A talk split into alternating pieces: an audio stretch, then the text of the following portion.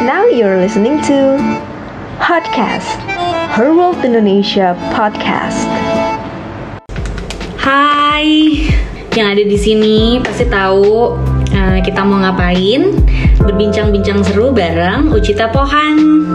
Sesuai judulnya itu uh, jadi public speaker dadakan.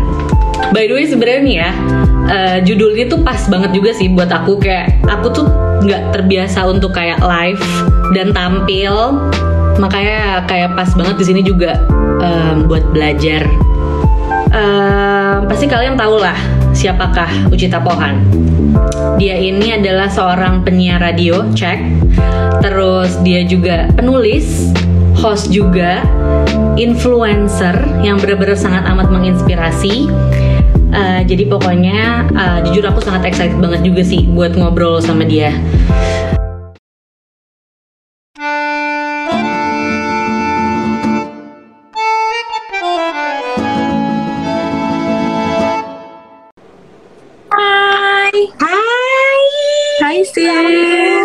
Cantik Cakep banget Apa kamu. kabar? Aku lagi ngepasin dulu ya. Iya. Aku tempel. Terus. Nah, segini kayak pas nih. Udah pas. Ini spot ya, Bu. spot yang ini. Ini spot, Spot yang aman. sinyalnya eh, di kamar tuh paling kuat. Eh, Oke. ma- baik wifi maupun data. semuanya ya. Jadi jadi gimana kabarnya Ho? Jadi eh ya begitulah kita lagi seneng nih ngajak ngobrol semua orang apalagi Mm-mm. inspiratif inspiratif like you. nah terus aku pengen tahu dong Kak Ucit nih kira-kira gimana WFH makin sibuk nggak? Eh, kalau makin sibuk, kayaknya sih mungkin kurang lebih sebenarnya sama ya. Pekerjaannya tetap bisa dilakukan dari rumah. Aku siaran Hmm. dari rumah. Mm. Terus- Susah nggak sih kalau sekarang di rumah apa sama aja? Harus dari balik selimut sih karena kan aku nggak punya studio kedap ya. Di rumah jadi begitu gitu jadi challenge-nya adalah palingan lebih ke gimana kita ngebawa apa ya um, mood sama ngejaga kualitas aja sih karena kan Oke, nggak fasilitasnya kan nggak seperti kita ada di kantor kan. Iya benar-benar. gitu terus udah gitu apalagi ya ngerjain konten-konten. Mhm. of course bisa dari rumah Eh, sama sekarang yang lagi lagi seru adalah hosting acara-acara digital ya kayak kamu gini Iya, iya betul sekali. Makanya aku butuh belajar dari dirimu, sis. Mudah-mudahan Nah, iya ya aku bisa sharing Amin. Nah makanya sebenarnya kan kayak ya karena kita kan eh, dianjurkan untuk tetap stay safe di rumah, terus kita Hmm. juga work from home. Tapi sebenarnya kita tuh juga eh, harus tetap produktif, terus juga semakin kreatif kan ya di tengah pandemi ini. Maksudnya di rumah aja gitu loh. Salah satunya ya selain kayak live Instagram, kita tuh juga pasti ngasih share-share apa ya kayak share ide di Zoom meeting atau kayak video conference lainnya kayak gitu-gitu. Tapi mungkin nih kayak kalau misalnya dirimu kan yang udah eh, terbiasa di dunia public speaking yang udah lumayan lama terjun di dunia situ kan terbiasa nih. Nah, makanya aku tuh pengen eh, tahu trik-triknya nih apalagi kayak orang-orang yang mendadak jadi public speaker like aku gitu. aku tuh pengen tahu juga sebenarnya gimana sih caranya mungkin eh, berawal dari kisah dirimu dulu aja kali ya kayak terjun ke dunia ini tuh kayak gimana gitu pengen tahu oke kalau aku pertama kali siaran itu di Hard Rock FM tahun 2008 kalau nggak salah oh 2009 2009 tuh Oke. mulai on airnya Mm-mm. jadi kayak udah lama juga ya bu Iya sih. 11 tahun eh 11 tahun ya berarti ya? Iya, ini 11, masuk 11 tahun, tahun. masuk tahun ke-11. Terus eh, nah di situ sih sebenarnya dapat basic eh, apa namanya public speaking yang benar-benar sesuai dengan pakem media gitu ya. Oke. Karena di situ sebagai presenter gitu, sebagai penyiar. Tapi sebelum-sebelumnya memang aku eh, lumayan juga eh, aktif di klub di kampus tuh yang yang apa namanya radio kampus terus udah Oke, gitu suka MC MC juga acara-acara gitu. Jadi dimulai juga sebenarnya otodidak juga. Cuman Oke. akhirnya pas masuk ke media jadi penyiar itu di situlah akhirnya dapat yang eh, pakem-pakem yang em, istilahnya profesionalnya gitu lah. Hmm. gitu. Abis itu ya berjalan terus dari 2009 sampai sekarang masih siaran radio. Sekarang di Cosmopolitan FM siarannya. Terus kegiatannya kurang lebih ya masih sama uh, ngemsi-ngemsi juga. Nah itu sekarang jadi host digital. Dan kalau aku juga akhirnya seiring dengan berjalannya waktu juga sih ya banyak belajar apa namanya tentang teknik-teknik uh, public speaking tuh uh, dengan cara yang hmm, apa ya trial error juga kali ya kalau aku iya ya. sih benar-benar benar pasti Hmm. semua orang akan mengalami masa-masa itu ya pasti pasti Hmm. Gitu kalau lebih sih kayak gitu perjalanannya sekarang sih kalau aku eh, di Emera Broadcasting Academy juga Hmm. aku ngasih beberapa materi eh, di beberapa kelas ke- eh, ngomongin soal public speaking eh, in terms of apa namanya total look penampilan be confident Mm-mm. kayak gitu-gitu juga sih Mm-mm. jadi mudah-mudahan hari ini bisa sharing ya iya sangat amat dibutuhkan sih Mm-mm. kalau gitu-gitunya. Nah, terus aku juga pengen nanya nih misalnya, kalau Mm-mm. kamu kan orang-orang tuh emang pasti udah tahu nih kayak Kauci tuh orangnya emang fun, ceria gitu loh, playful segala macam. Nah, sebenarnya untuk jadi seorang public speaker itu tuh ngaruh nggak sih sama kepribadian? Maksud kalau jadi public speaker yang lancar gini, sebenarnya ilmu public speaking itu adalah ilmu yang bisa banget dipelajarin. Bisa Hmm, banget dipelajarin. Jadi semua orang bisa mempelajari karena ada teori-teorinya, Hmm. ada istilahnya apa ya, semakin banyak latihan semakin semakin bisa menguasai. Iya, bener. Itu semuanya bisa dipelajari lah oleh siapa pun gitu sebenarnya. Tapi memang yang akan enjoy adalah orang yang emang benar-benar seorang storyteller. Jadi Oke. kalau misalnya tadi uh, dibilang apakah ngaruh nggak sih uh, kepribadian introvert ekstrovert itu sama kenyamanan public speaking belum tentu. Karena sebenarnya ternyata aku kayaknya waktu kecil tuh sebenarnya termasuk uh, anak yang introvert. Sebenarnya aku anak introvert gitu. Oh, anak introvert yang waktu kecilnya tuh taunya kalau dulu tuh aku kalau disuruh disuruh maju ke depan kelas gitu ya waktu zaman Hmm. sekolah tuh takut banget gitu nggak berani gitu. Sampai aku ngelihat kayak oh yang pinter itu tuh yang harus berani maju berani ngomong itu tuh baru Hmm. dibilang oh iya hebat pinter gitu kan jadinya ak- akhirnya aku berpikir gitu ya. oh kalau aku mau pinter tuh aku harus berani berani mengungkapkan uh, berani ngomong out loud gitu kan biasanya kan Hmm. kalau anak kecil kan dibilang kalau yang oh cerewet nih pinter nih cerewet gitu kan Iya, iya, Nah. iya, banyak kan kayak gitu. Nah, heeh, jadinya akhirnya aku eh, istilahnya membuat diri aku menjadi orang yang outlet itu, berusaha Hmm. gitu. Istilahnya jadinya aku sebenarnya seorang introvert yang abis itu belajar menjadi ekstrovert gitu. Lo jadi dengan si ilmu public speaking ini, Hmm, tapi hmm, ternyata memang itu dua hal yang berbeda ya gitu. Hmm, Aku hmm, sebagai seorang yang yang awalnya eh, punya sikap-sikap yang introvert, ternyata bisa nyaman di pekerjaan yang membutuhkan Heeh, membutuhkan apa namanya ngomong melulu terus udah gitu membutuhkan Iya, iya, storytelling. benar-benar. Jadi kalau menurut aku sih belum tentu itu akan menjadi patokan. Apa apakah si ekstrovert ini akan menjadi public speaker yang lebih bagus? Belum Hmm. tentu. Itu nggak ngaruh kalau menurut aku. Gitu. Karena ada yang bilang juga bahwa Hmm. eh, introvert ah, waktu itu aku pernah baca di mana ya pokoknya ada ada kayak quotes gitu yang bilang bahwa uh, introvert persons are actually the best public speaker. Kenapa? Karena mereka adalah orang-orang yang suka mengobserv. Kalau introvert kan nggak terlalu banyak ngomong ya sebenarnya ya. Iya, Tapi iya, mereka tuh benar. observing. Ha-ha. Nah, Iya, orang yang iya, iya. observing ketika mereka peduli sama sekitar, ngeliatin sesuatu Mm-hmm. tuh dengan detail, biasanya pada saat mereka menjadi storyteller atau Mm-hmm. public speaker, itu semuanya yang ada di kepala jadi lebih tertata justru. Iya sih, benar. Mm-mm. Ada yang Kadang bilang gitu malah. Iya, kalau yang ekstrovert kadang kayak apa pun aja bisa diomongin sebenarnya eh, introvert juga nilai plusnya itu ya. Jadi mereka bisa Iya, jadi sama ada pikirannya untuk Mungkin kalau yang extrovert- gimana? Mungkin kalau yang ekstrovert keuntungannya adalah mereka adalah tipe yang apa namanya lebih gampang untuk connect sama orang gitu kan Iya, ya. Jadi itu menguntungkan tuh di bagian situnya. Tapi kalau untuk ilmu public speakingnya dua-duanya sih menurut aku harus mempelajari dulu baru bisa Oh, oke. bisa dapetin gitu. Basicnya ya. Terus kalau Setuju. misalnya kalau misalnya kayak gini, kalau aku kan udah pernah ketemu sama dirimu langsung nih. Mm-mm. Somehow kita tuh kayak nggak tahu nih sebenarnya sifat dia tuh kayak gimana, which is uh, yang wawancara nih cari tahu dulu dong nih kira-kira uh, aku mau uh, interview dia nih cari tahu dulu orangnya kayak gimana segala macam. Tapi itu pasti yang untuk first time tuh akan ada rasa canggung. Kira-kira tips apa yang kayak kayak icebreakernya gitu tuh apa sih yang biasa dilakuin uh, sama Kak Ucit sendiri? Kalau aku eh, topik-topik yang ringan sih ya seperti cuaca, Hmm, yang relate ya. Cuaca Iya. boleh. apa namanya topik-topik ringan aja, cuaca, keadaan jalanan kayak ya ampun hari ini panas banget ya gitu. Tadi macet nggak di jalan ya.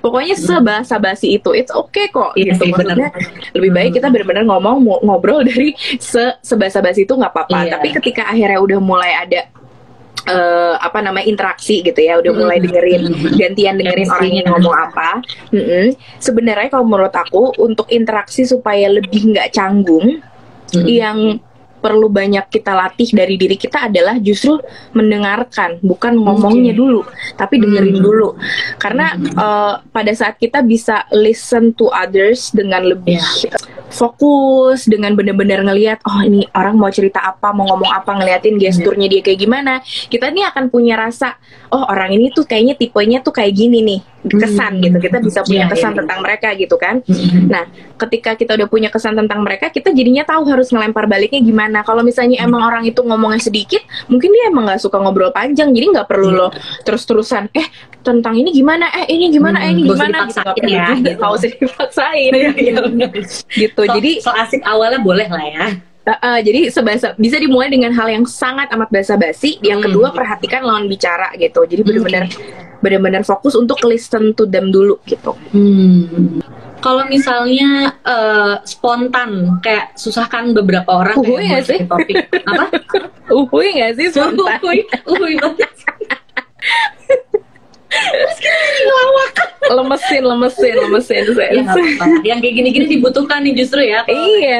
Digital yang ngasih. Nah, belajar guys semuanya. Ini adalah cara receh-receh kayak gini tuh bermanfaat sekali ya sebenarnya. bermanfaat untuk kedekatan ya. Iya betul. Terus, eh, nah yang kayak gitu-gitu tuh yang spontan-spontan yang kayak gitu-gitu sebenarnya kan rada susah. Emang artinya tuh kita tuh harus menyediakan banyak materi ya selain kayak topik-topik ringan gitu. Ini kira-kira apa nih ya? Kira-kira yang bakal bisa eh, lucu di hadapan orang-orang kayak gitu. Artinya penting juga ya buat tahu apa sih yang lagi di apa yang menarik perhatian masyarakat tuh sekarang apa sih gitu loh. Tapi topik-topiknya juga yang aman gitu ya nggak sih? Iya, Tahu iya. Oke, sebelum aku jawab aku mau eh, mau baca dulu nih sedikit ada yang ada yang dalam hati mau bilang gitu juga sih sih. Oh, Oke, kan? boleh loh. Kalian Sebenarnya dia uhuy juga. Nih ngomongin soal uhuy nih ya. Iya. Ini beneran emang ada hubungannya sama komeng. Serius. Jadi gini, eh, waktu aku eh, training di di eh, Hard Rock FM di MRA, Hmm. Waktu itu eh, kita diminta untuk setiap akhir ending siaran itu kita harus ngasih eh, gong punchline Hmm, oke, gitu ya. oke. Nah, si Uh-huh. punchline ini nih adalah kayak kalimat penutup yang twisting, yang witty, yang ngagetin, Mhm. yang surprising, pokoknya harus kayak out of the box dan itu Mhm. harus selalu dilakukan pada saat kita siaran. Jadi Mhm. kan itu kan sesuatu yang kayak gila, gue berarti mesti mikir terus dong gitu Iya, kan. Nah, triknya adalah kita eh, at a certain point kita udah nggak boleh lagi membuat kita sebagai penyiar ya Hmm. eh, udah nggak boleh lagi membuat itu menjadi sesuatu yang harus kita pikirin. Jadi memang harus eh, istilahnya punchline itu bukan dibuat, tapi Mm. memang udah harus dijadiin lifestyle gitu. Udah Hmm, jadi harus kebiasaan. aja ya. Jadi kalau lagi ngobrol sama teman juga ke punchline apa langsung ngomong punchline apa langsung Oke. ngomong gitu. Jadi dibiasain di kehidupan sehari-hari gitu. Oh, nah, see. yang dilakukan sama pelawak komeng adalah kita kan kalau ngelihat pelawak tuh kan lucu banget ya Iya. mereka tuh benar-benar bisa membuat kita kayak nyeletuk apa kita langsung ketawa nyeletuk apa langsung Hmm. dapet gitu apakah itu benar-benar celutukan memang itu sebenarnya benar-benar celutukan tapi eh, mereka sudah punya banking Oke. jadi yang dilakukan sama komeng gitu Hmm. Nggak nyangka kan komeng inspirasi gue yang dilakukan sama yang eh, pelawak either banyak ya selain komeng Fitri Tropika semuanya komika Oke. eh, komika komika Ernest dan lain-lain mereka Hmm. itu sehari harinya mereka itu observe eh, jadi gini kalau kalau pelawak kan banyak yang kayak kenal dengan celetukan-celetukan yang simple tapi kok kita bisa ngakak banget ya Iya, kayak benar, benar, benar. eh, ah dasar lo pinggiran pastel gitu kayak Hmm. ketawa gitu jadi yang mereka lakukan adalah setiap mereka melihat benda misalnya Ah. meja meja dia eh, mereka bikin list apaan Oke. aja yang bisa dicela dari meja itu Oh, oke. Itu yang mereka lakukan. Bener-bener It's a ya hard work. pikirannya ya. Fitri Tropika tuh gitu. Fitri Tropika tuh Mhm. misalnya ngelihat eh, apa namanya eh, alat-alat makeup dia gitu ya. Mm-mm. Apaan aja nih yang bisa dibikin bahan ketawa atau bisa dicela dari benda-benda itu. dari Oke, benda mati loh bayangin kayak gitu nah jadi dengan dengan mereka punya banking itu semua eh ya udah giliran nanti ketika mereka ngobrol terus ada obrolan yang seru yang apa namanya eh, wah bisa dimasukin nih eh, celetukan yang ini gitu makanya semua yang diceletukin tuh kayak kok, kok bisa kepikiran ya kita mikirnya Iya, gitu iya, kan iya. tapi itu memang sebenarnya adalah satu hal yang dilatih Emang harus dalam diri. Gitu. Emang sebenarnya kuncinya tuh kita nggak boleh jaim aja ya sebenarnya. Kayak Iya, sen- senyamannya sih. Iya, iya, iya. Kalau itu kan versi pelawak ya, sis. Iya, Kalau bener. kalau Kita versi Kadang versi kita yang, kan yang. Iya, kalau versi kita yang memang tujuannya bukan bikin ketawa atau bikin Hmm. orang harus lucu gitu, yang emang cuman harus nyampein informasi dengan benar aja, ya Hmm. senyamannya aja gitu. Mhm. Makasih sih, tapi aku juga jadi jadi tahu caranya jadi pelawak kayak gimana. Siapa Ya. tahu kan karir baru Anda. iya, iya. Sungguh Oke. lucu. Eh, tapi intinya gitu sih Konten. observing apa yang Iya. ada di sekitar kita, eh, Hmm. topik-topik apa yang kita bisa bawa gitu ya. Hmm. Eh, banking sih, banking topik itu penting banget Iya buat sih. mencairkan eh, suasana dan membuat kita jadi apa ya? Jadi orang yang bisa membawa conversation tuh ke banyak eh, banyak banyak Hmm. topik gitu. Mm-mm. Terus kalau dari kemarin dirimu jadi host digital nih, eh, yang lagi seru apa sih? Bahasan yang lagi seru yang bener-bener bisa menarik perhatian banyak orang gitu. Eh, kalau kemarin-kemarin sih obrolan Hmm. masih seputar either tentang work from home yang being Hmm. productive kayak gitu-gitu. Terus udah gitu kemarin juga eh, besok hari Senin mau ada live belanja bareng Oke. sama belanja. ada e-commerce gitu. Terus Hmm. jadi kegiatannya juga seru-seru ya. Live Iya belanja sih, bareng terus apa banget namanya? ya. Eh, oh ngobrolin eh, sama teman aku, sahabat aku ada Hmm. psikolog Nuran Update kayaknya juga pernah deh barengan sama Her World ya. Bikin konten sama Her World. Nah kemarin aku juga live sama dia ganti-gantian dari Instagram aku dan dari Instagram dia ngobrolin tentang relationship, ngobrolin Hmm. Oh, oke. tentang positif and negatif eh, apa namanya attitude kayak gitu-gitu. Hmm. Masih sih masih topik-topik yang yang ke, lebih ke apa ya? Kalau sekarang kayaknya topiknya lebih yang deket dengan dengan personality deh Iya. menurut aku ya. Hmm. Jadi topik-topik yang akhir-akhir ini disuka itu hal-hal yang berhubungan dengan kayak uh, know yourself kayak gitu-gitu sih. Oke, I see. Mm-mm. kesempatan untuk mencari tahu diri sendiri juga ya artinya. Ya, benar, benar. Tangan kayak gitu. Oke, I see. Terus eh, kalau gitu tadi kan eh, Kak Ucit juga ngomong kan sebenarnya kayak banking tuh penting banget. Nah, Mm-mm. kayak misalnya kalau kita lagi pengen nge-host sesuatu, tapi sebenarnya kita tuh tahu bahkan di teman-teman kita aja nih kita tuh orang yang jayus. Kita tuh nggak humoris kayak gitu loh. Oh, nggak humoris, Nah, oke. nggak humoris. Aku punya temen yang kaku banget tuh aku. Nah, Terus, ya kayak gitu-gitu nih. Bu, gimana tipsnya dari pengalaman Kak Ucit sendiri? gimana tipsnya untuk maksudnya untuk jadi Untuk- lebih luwes gitu? Ya, lebih luas kayak gitu biar nggak kaku. Oke. Jadi emang ada nih temen aku yang dia ngerasa dia tuh nggak lucu dan memang dia nggak bukan tipe yang humoris gitu. Mm-mm. Tapi dia kalau misalnya bukan tipe yang bisa nyeletukin hal yang humoris. Tapi kalau nonton komedi ya dia ketawa gitu dia Iya. senang.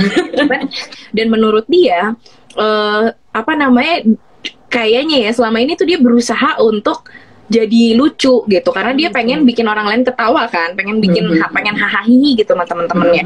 Cuman karena dia orangnya serius banget jadi akhirnya ya itu setiap dia nyeletuk apa kita kayak gimana maksudnya? gitu.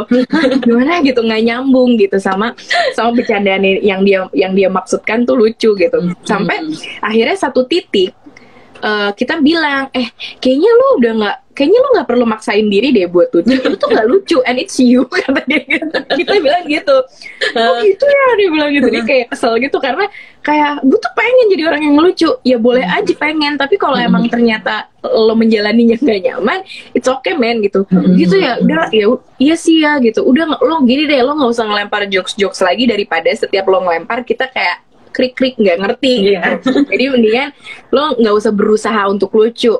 Ah ya udah deh gitu. Dah Nah, eh, pada saat kita lagi pergi liburan bareng-bareng, akhirnya dia mencoba, akhirnya dia banyak banyak diem. Maksudnya Hmm. nggak nggak banyak ny- nyeletuk berusaha Iya. lucu gitu. Ngejayus Dan ya. dia cuma nikmatin aja, nik nikmatin aja obrolan-obrolan kita sampai akhirnya suatu kali pada saat dia ngomongin point of view-nya dia dengan apa adanya yang nggak dibuat-buat sok lucu itu, kita malah benar-benar terhibur.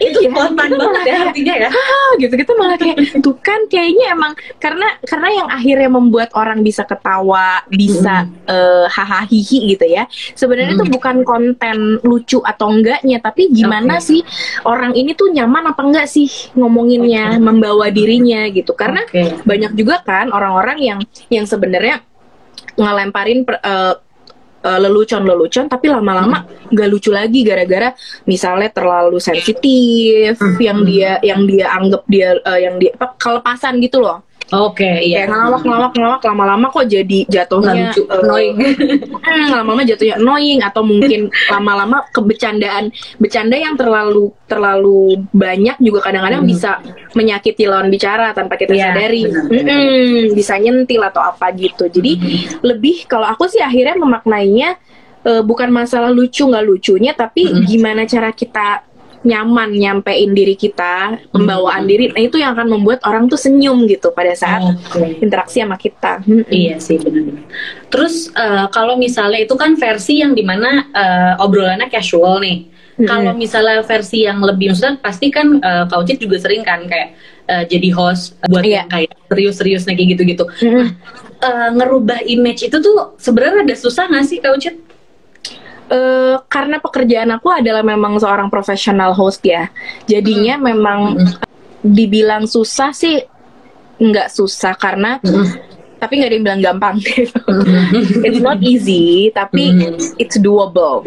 It's Mhm. very doable dan semakin Oke. sering melakukan, semakin bisa master it gitu kan. Mhm. Gitu. Kalau untuk profesional switchingnya sih akhirnya lama-lama terbiasa aja kayak misalnya hari ini harus nge-MC acara uh, beauty, besoknya Hmm. yang kayak corporate yang serius-serius Ya. banget. Ya itu sih istilahnya udah bagian dari bagian dari uh, job desk kita untuk untuk Hmm. bisa adjust ke semua ya gitu. Iya, Tapi kan iya, iya. kalau profesinya bukan seorang profesional host kan nggak perlu. Iya, betul betul Hmm. betul. Dan kayak pasti untuk first timer tuh ngerasa yang namanya nervousnya tuh mereka tuh kadang-kadang apa dulu Kaucit juga pernah ngerasa awal-awal awal-awal banget nih yang sebelum Kaucit eh, di broadcast kan dulu sering MC gitu-gitu Mhm. kan. Nah, Mhm. itu tuh ada gak sih perasaan kayak aduh takut salah nih, aduh eh, apa pronunciation gue bener nggak ya gitu A- atau kayak gimana kayak gitu. Nah, meng- kan banyak orang juga yang karena saking takutnya salah malah jadi Mhm. salah. Nah, gitu. Sebenarnya cara bangkitnya sendiri gimana? Soalnya banyak juga Wow, gitu kayak aduh gue nggak mau lagi deh kayaknya nggak MC yang kayak gitu-gitu kan. Iya iya iya. iya. Nah, itu Kapok cara, gitu cara ya. untuk iya, nah cara untuk membangkitkan semangatnya lagi gimana untuk tetap percaya diri karena menjaga kepercayaan diri itu sebenarnya susah ya. Termasuk Mhm, susah mhm, gitu mhm. loh, apalagi untuk para first timer kayak gitu gitu. Iya. Yang namanya mental baja gitu ya. Iya. Gimana caranya? Kalau kalau aku sih akhirnya gini, em, di awal-awal pertama Hmm. kali belajar nge-MC gitu ya, nge-MC acara-acara. Aku mulai dari acara-acara yang yang kecil-kecil dulu. Jadi kayak acara keluarga, terus Hmm. misalnya acaranya temen kayak gitu-gitu, event-event yang skupnya kecil gitu. Hmm. Nanti uh, ketika ada kesempatan event yang oh skupnya lumayan besar nih gitu, ini berarti harus percaya dirinya harus naik level lagi gitu kan ya. Of course pasti ada rasa grogi dan Iya. dan sebenarnya kalau di public speaking grogi itu adalah hal yang sangat manusiawi dan sangat wajar. Jadi Mm-mm. dengan kita dengan kita menyadari kalau kita grogi itu adalah hal yang manusiawi dan itu normal, Mm-mm. itu akan menurunkan level grogi kita. Jadi Oke. yang pertama mesti diingat adalah aduh grogi nih gue. Oh iya emang begini. Hmm. Memang orang tuh kalau mau muncul di depan umum tuh grogi kok gitu Hmm. eh, presenter ah, sampai sekarang pun aku kalau misalnya mau memulai satu acara terutama acara yang baru gitu ya Hmm. juga masih deg-degan dan dan it's a good sign sebenarnya bahwa sebenarnya alarm kita tuh masih jalan Mm-mm. sehingga deg-degan ini membuat kita fokus kan Iya. kalau iya. kita deg-degan kan membuat kita fokus udah pokoknya gue fokus gue mikirin yang ini dulu gitu karena Mm. kalau misalnya udah terlalu istilahnya udah terlalu eh, udah jadi kebiasaan udah luas kadang kita juga malah jadi loose kadang jadi kendor sedikit nih nggak terlalu fokus gitu karena kayak ah udahlah gue bisa kok nih merem aja gue bisa ngerjainnya gitu nah Hmm. dengan justru dengan kita masih ada rasa deg-degan itu tuh justru adalah alarm yang bagus supaya kita Hmm. tetap fokus sama sama eh, pekerjaan saat itu Ya, gitu Nah, terus ada juga nih yang nanya nih Kak Ucit nih, Mbak Ucit ada tips nggak biar luwes sama cue cards? Kata dia gitu. Luas Nah, sama itu- cue cards maksudnya cara juga. megangnya atau gimana? kayaknya kayaknya gini deh ketika dia nervous maksudnya dia nervous nih terus dia megang cue cards yang bahasanya tuh baku terus kayak karena dia emang orangnya gugupan jadi mungkin biar bi- biar bikin luwesnya tuh gimana kayak gitu soalnya mungkin kan ada beberapa orang yang baru terima cue cards tuh kayak baru berapa Oh. ini sebelum dia tampil kayak gitu cara cara ngeluwesin obrolannya kayak gimana mungkin maksudnya kayak gitu betul Oke. Mm-mm. Sebisa mungkin sih kalau cue card aku pasti minta hari sebelumnya. Mm-mm. Kalau bisa dari jauh-jauh hari sebelumnya. Dan kalau misalnya emang ternyata mepet, kalau aku sih biasanya cue card itu aku langsung baca dari awal sampai akhir, terus aku kasih notes notes yang aku mau Oke. Highlight. Sama Mhm. biasanya untuk penekanan penekanan penekanan di misalnya kayak ya, selamat datang di acara bla bla. Nah, nama acaranya tuh paling sering tuh kelupaan tuh. Jadi Oh, oke. si nama acara itu biasanya udah langsung aku highlight. Terus Hmm. beberapa yang perlu di di highlight. Pokoknya itu cue card tuh istilahnya udah aku coret-coret gitu. Udah aku kasih tanda apa segala macam. Karena dengan kita melihat cue card dari awal sampai akhir dan Hmm. dan penting untuk ini ya, misalnya kayak cue cardnya kemarin udah di emailin ya, oke udah di email. Oh, hmm. Tapi pada Hmm. saat kamu paginya itu nyampe atau acaranya mau dimulai, tetap tetap langsung baca dan langsung mulai eh, apa coret-coret sih yang di tangan ini Hmm. atau kalau misalnya pakai pakai tab gitu ya Ya. langsung baca dari yang di displaynya tab itu supaya Oke. mata kita terbiasa Oke. dengan Nah, yang bentukan yang itu. Jadi yang di email atau yang di printan yang punya orang lain udah nggak usah dibaca langsung fokus Baca sama eh, iya karena itu yang akan kita balik dan akan kita baca gitu. Karena ini penting banget. Ingat nggak yang Miss Universe tahun berapa tuh? Yang salah baca Yang- pemenang. Oh iya yang pem- itu ah, kenapa kenapa akhirnya salah baca salah baca itu kan salah satu ya banyak sih teori-teorinya ya maksudnya banyak banyak reason-reason yang yang Hmm. ceritanya cuman salah satu yang dibilang sama si presenternya itu dia bilang dia dia akhirnya nge-reveal bentuk cue cardnya si Miss Universe yang halaman Hmm. pemenang Hmm. jadi halaman pemenang itu kalau nggak salah tulisannya winner of bla bla Mm-mm. eh, apa namanya tulisannya tulisan namanya tuh kecil di bawah Oke. pokoknya bentuknya tuh unik lah gitu halaman Hmm, itu ya hmm, displaynya tuh bentuk halamannya tuh rada unik jadi Hmm. pada saat dia nerima itu dia langsung oh baca ini set set set dia malah baca yang eh, nama yang runner up Yang Gitu oke. kan. Nah, eh, jadi itulah kayaknya juga yang aku sih kalau sebagai MC ngerti banget ya ngelihat ngelihat display yang kita baru dikasih terus harus langsung Iya. bacain bisa banget human error Bisa untuk skip ini ya. gitu. Nah itulah makanya belajar dari situ juga sih akhirnya aku kayak oh berarti bener nih yang eh, apa namanya yang akan aku bawain nanti si cue card itulah yang harus aku biasain dengan mata aku. Jadi kita udah Hmm. hafal juga kan posisinya kan pada saat Iya, kita iya, benar-benar. kita nyoret-nyoret kan kita kan sedikit banyak kan jadi jadi inget kan oh yang di Iya, sebelah sini ada tulisan apa nah gitu itu sih Oke. bisa jadi bisa jadi tips Tipsnya, oke. Mm-mm. Terus, nah ini ada lagi nih. eh ada dari Agi, kak ada cerita momen-momen fail nggak pas lagi nge-MC kata dia gitu. momen fail pas lagi MC pasti ada lah ya yang kayak yang itu tadi Yang kayak paling misalnya tidak corporate deh lah.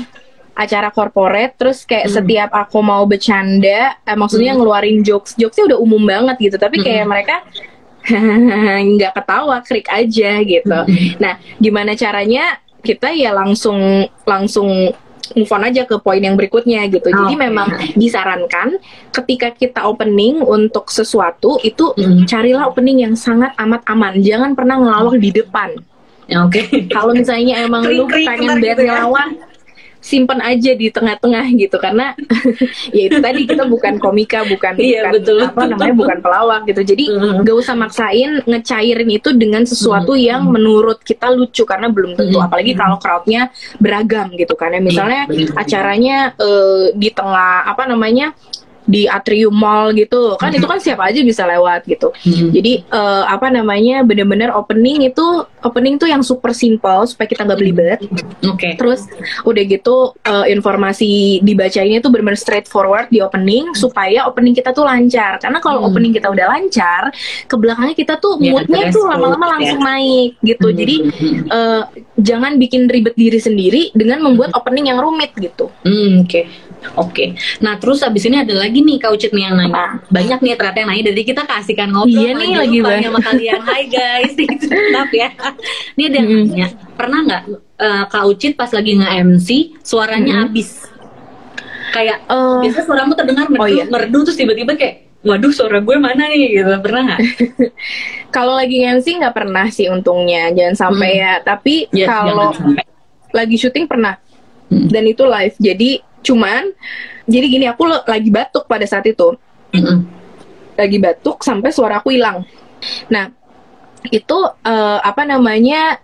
Itu bener-bener satu momen yang jadi pelajaran kayak noyor diri sendiri sih, karena Hmm. istilahnya gini lagi syuting eh pe- ya maksudnya gini pekerjaan aku kan emang jual suara ya Iya. terus jadwal-jadwal kehidupan aku itu kan udah ada ada jadwalnya gitu hari ini Hmm. siaran besoknya MC besoknya lagi hmm, apa namanya syuting ini acara ini gitu dan ketika aku eh, memforsir diri aku untuk oke siarannya tetap jalanin terus besoknya tetap ada beberapa acara terus malamnya kurang tidur habis Hmm. itu gue tetap minum minum dingin dan Dingin, juga makan iya. gorengan Heeh. ya suara gue hilang sih Iya, gitu dan dan di situlah aku ngerasa kayak hey toyor diri anda sendiri gitu. Anda udah tahu pekerjaan anda nih presenter kenapa anda makan gorengan gitu di tengah-tengah Kenapa anda Minggu. tetap bandel?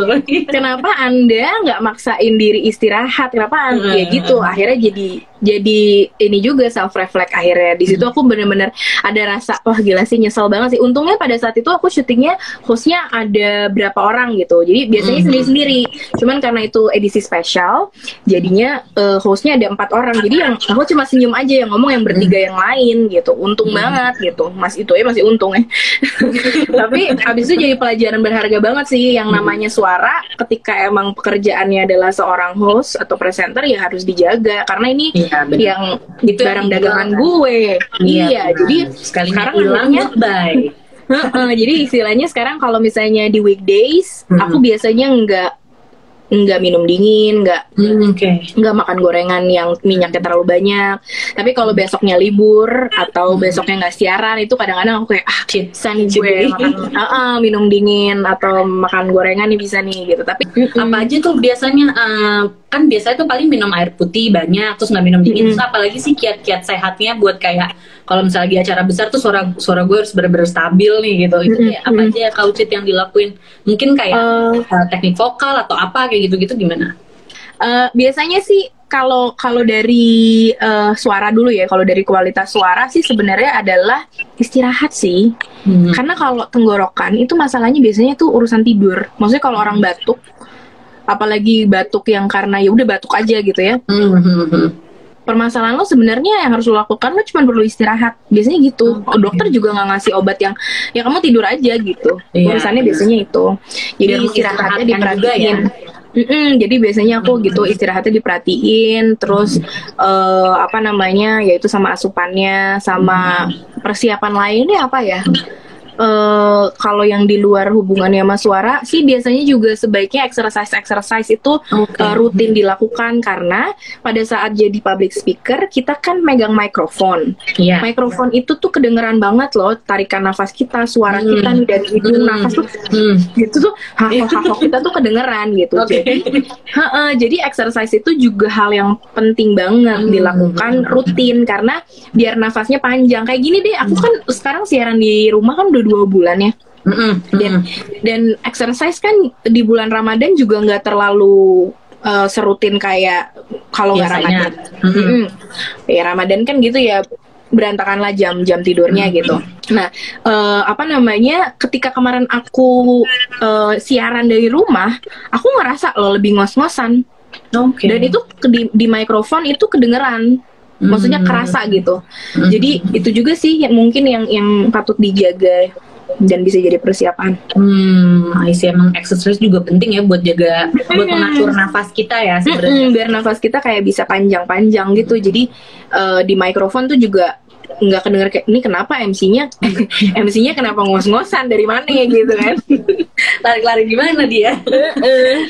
Terus kalau misalnya ada lah, maksudnya kita kan kayak apalagi di masa-masa yang sekarang ya, maksudnya Mm-mm. eh, pasti banyak juga orang yang ngerasa kerja di rumah tuh overwhelm gitu loh. Buat mereka tuh Iya, jadi kayak eh, iya pokoknya mereka sedikit overwhelmed lah dengan dengan kerja di rumah segala macam terus mereka juga tiba-tiba harus jadi harus kayak ya hosting digital atau segala macam ya kayak gitu-gitu nah eh kau sendiri pernah gak sih mengalami kayak harusnya nih misalnya siang nih nge-host terus Mm-mm. tapi pagi-pagi tuh bete bad mood banget bener kayak aduh kayak kayak nggak bisa ngomong apa-apa nih gue gitu misalnya Mm. nah cara untuk membangkitkan moodnya itu tuh apa sih kalau misalnya dari kau Cit? Hmm, kalau aku akhirnya harus dikondisikan ya kalau misalnya misalnya emang udah komit besok mau ada acara apa gitu ya mau Hmm. uh, nge- mau nge-host untuk atau live untuk apa eh terus misalnya paginya terjadi sesuatu atau kitanya lemas atau gimana eh tetap kalau aku sih paling gampang adalah ingat ke komitmen bahwa kita udah udah punya komitmen untuk janji untuk untuk tampil just show up aja udah gitu.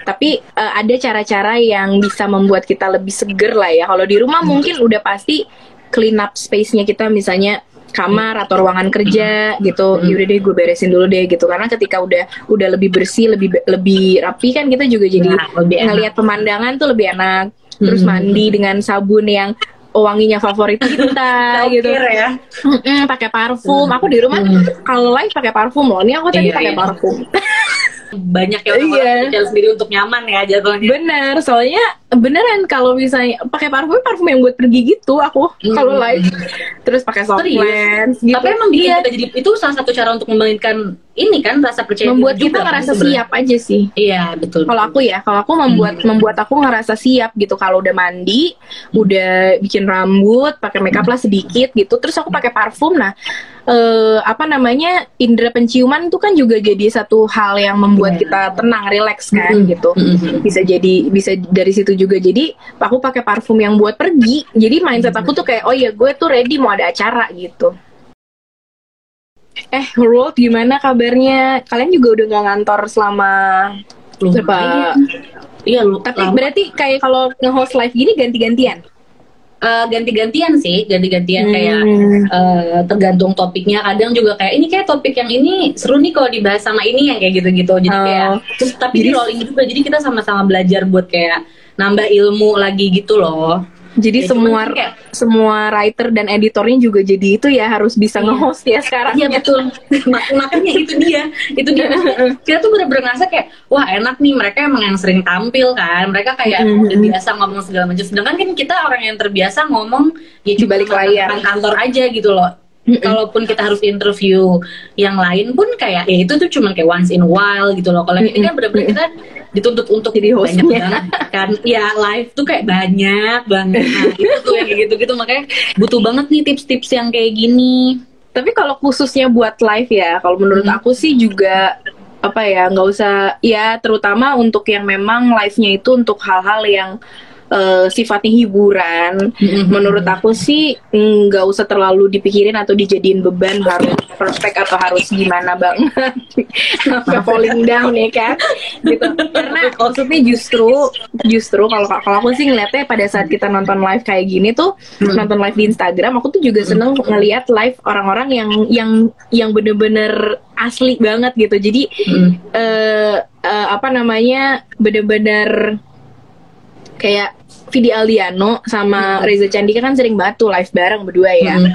Itu kan bener-bener live-nya ya udah yang dari dari dapur terus mereka pindah ke kamar, apalah Hmm. apalah gitu. Maksudnya kalau menurut aku sih justru aku menikmati eh, tampilan-tampilan live yang yang seperti itu juga gitu Yang real ya. Yang yang bener-bener kayak- rasanya bener-bener kayak masuk di dalam ke rumah kita juga Hmm, gitu karena kan iya. kita juga lagi di rumah kan gitu kecuali ya memang lagi nonton live yang berita atau yang Hmm. yang emang emang eh, ya kayak gini misalnya sharing yang emang ada materinya gitu Hmm. materi yang mau dipelajarin Hmm. gitu tapi kalau misalnya di luar itu kalau yang temanya masih menghibur orang sih menurut aku sih eh, nggak usah terlalu dibuat beban sih gitu Hmm. orang juga akan sangat malum kok dengan dengan eh, format seperti ini gitu Hmm.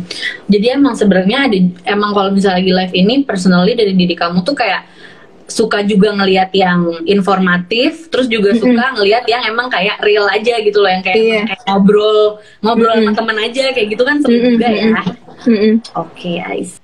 Mana- ini kalau yang udah nonton live gue dari kemarin-kemarin tahu kalau Hmm. aku tuh ngemper karena ngemper di duduk di bawah gitu ya karena sinyalnya di sini bagus. Nah, ya kayak hal-hal kayak gitu tuh nggak jadi nggak jadi sesuatu yang kayak masalah gitu kayak eh Mhm. hai aku live-nya sambil duduk nih di bawah bla bla Iya. gitu gitu gitu tuh menurut aku Bisa dimulai dari hal kalau untuk seringan itu ya. Mm, kalau untuk live Instagram tuh it's okay banget uh, being real dan dan tidak mengejar uh, perfection gitu. Hmm, oke, I see. Jadi itu tipsnya untuk yang pengen live Instagram.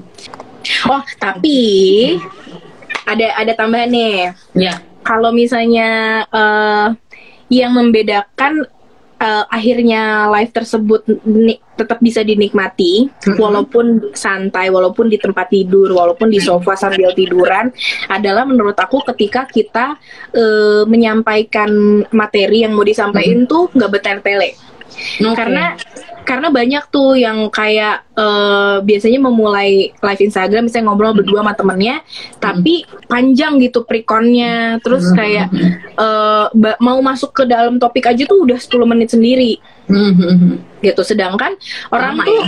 Mm-mm. orang tuh pada saat ngelihat eh, Instagram sto- eh, Instagram live kayak gini tuh kan pilihannya banyak dan dinamis banget. Kalau kita bertele-tele, orang either akan switch Hmm, ya dan kadang juga kayak membuat yang nonton juga jadi ayo dong intinya apa cepetan dong gitu kayak Oke. gitu Ah, Alamat Jadi- nih pasti kayak gitu iya kan. ya. heeh. karena yang aku rasain sih kayaknya gitu ya penonton digital itu tuh mm, sangat amat eh, dinamis dan mereka gampang sekali skip apa segala macam jadi kalau misalnya mau membuat mereka ngehook sama uh, materi kita Hmm. eh, jangan lupa untuk tidak bertele-tele jadi to the point aja poinnya apa terus langsung next lagi poinnya apa langsung next lagi dan itu bisa disiapin di eh, contekan kalau misalnya mau bikin Hmm. cue card sendiri gitu Hmm. bikin aja jadinya benar-benar bisa berkualitas dan informatif gitu Iya sih kalau misalnya cue cards dengan bahasa sendiri tuh bakal lebih enak juga kan ya jadwalnya. Mm-mm, atau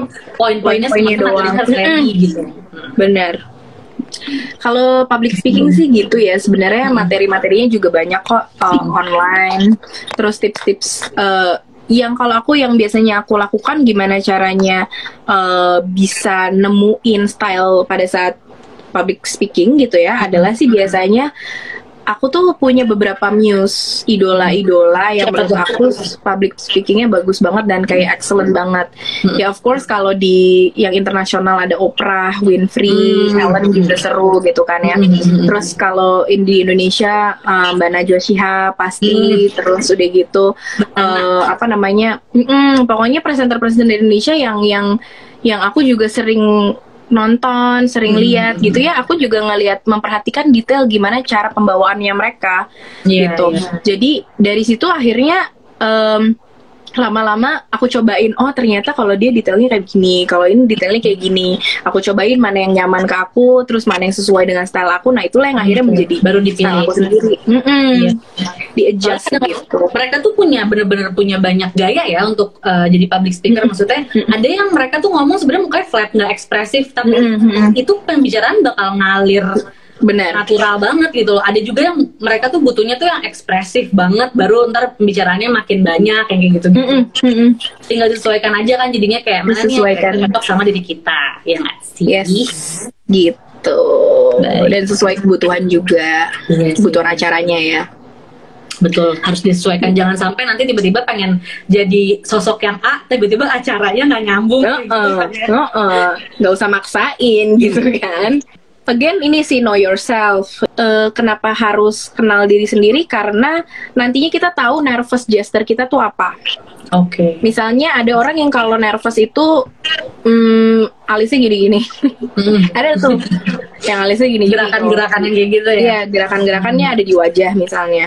Terus ada juga yang kalau nervous gesturnya tuh jalan-jalan. Jadi dari panggung ujung ke panggung sana, setiap ngomong tuh jalan-jalan-jalan. Terus ada juga yang nervous gesturnya macam-macam deh. Ada yang gini-giniin rambut, megang-megang rambut. Nah, ketika kita eh, apa namanya latihan dan dan mencobanya langsung gitu, kita tahu lama-lama nervous gesture kita tuh apa. Jadi kita review dari misalnya kayak live gini terus Hmm. ngelihat eh, rekamannya gitu kan ya oh tadi ternyata gue tuh giniin rambut dulu ya gitu mungkin itu Hmm. nervous gesture gue nah dengan Hmm. kita menyadari dan mengetahui nervous gesture kita tuh apa itu akan membuat kita aware dan lama-lama kita akan Terbiasa. berkurang me- iya Hmm. terbiasa untuk nahan jadi misalnya mau gini rambut eh enggak deh nggak usah gitu jadi jadi aware heeh. itu Oke. penting Intinya kita tuh nggak boleh pernah berhenti menyerah, ya kan? Harus tetap percaya diri karena emang pasti semua orang akan ngalamin kesalahan kan. Maksudnya dirimu aja Yes. pasti pernah gitu loh miss gitu. Pasti, pasti. gitu. Jadi kayak nggak boleh takut untuk salah. ya sekarang itu part of Tapi- belajar Betul, baik. Ini ben- bentar lagi udah mau habis waktunya ntar jangan iya sampai tiba-tiba die loh. Kita Oke. mesti Baik, kita mesti berpisah dong. dengan dengan sopan Iya. gitu loh sih. Iya, betul, betul, baik. gitu. Betul, makasih ya kamu udah nge-manage time aku. Kasih Soalnya ini mau- live sama Kak Ucit. Aduh, nanti lanjut lagi kalau enggak. Iya, apa gimana? baiklah. Semoga kita bisa bertemu lagi dengan topik-topik yang lebih bervariasi ya, Kak Ucit ya. Mm-mm, Sehat-sehat pokoknya. Thank Makasih you. banyak tips-tipsnya sangat amat bermanfaat. Jadi bagi semuanya, makasih juga udah datang. Sehat-sehat ya semuanya. Makasih Terima kasih. Salam untuk teman-teman di Her World semua ya. Iya, nanti aku salamin. Thank you ya, Coach Thank ya. You. Makasih semua yang udah nonton. Hmm. Dadah. Selamat buka. Dadah semua. Dadah.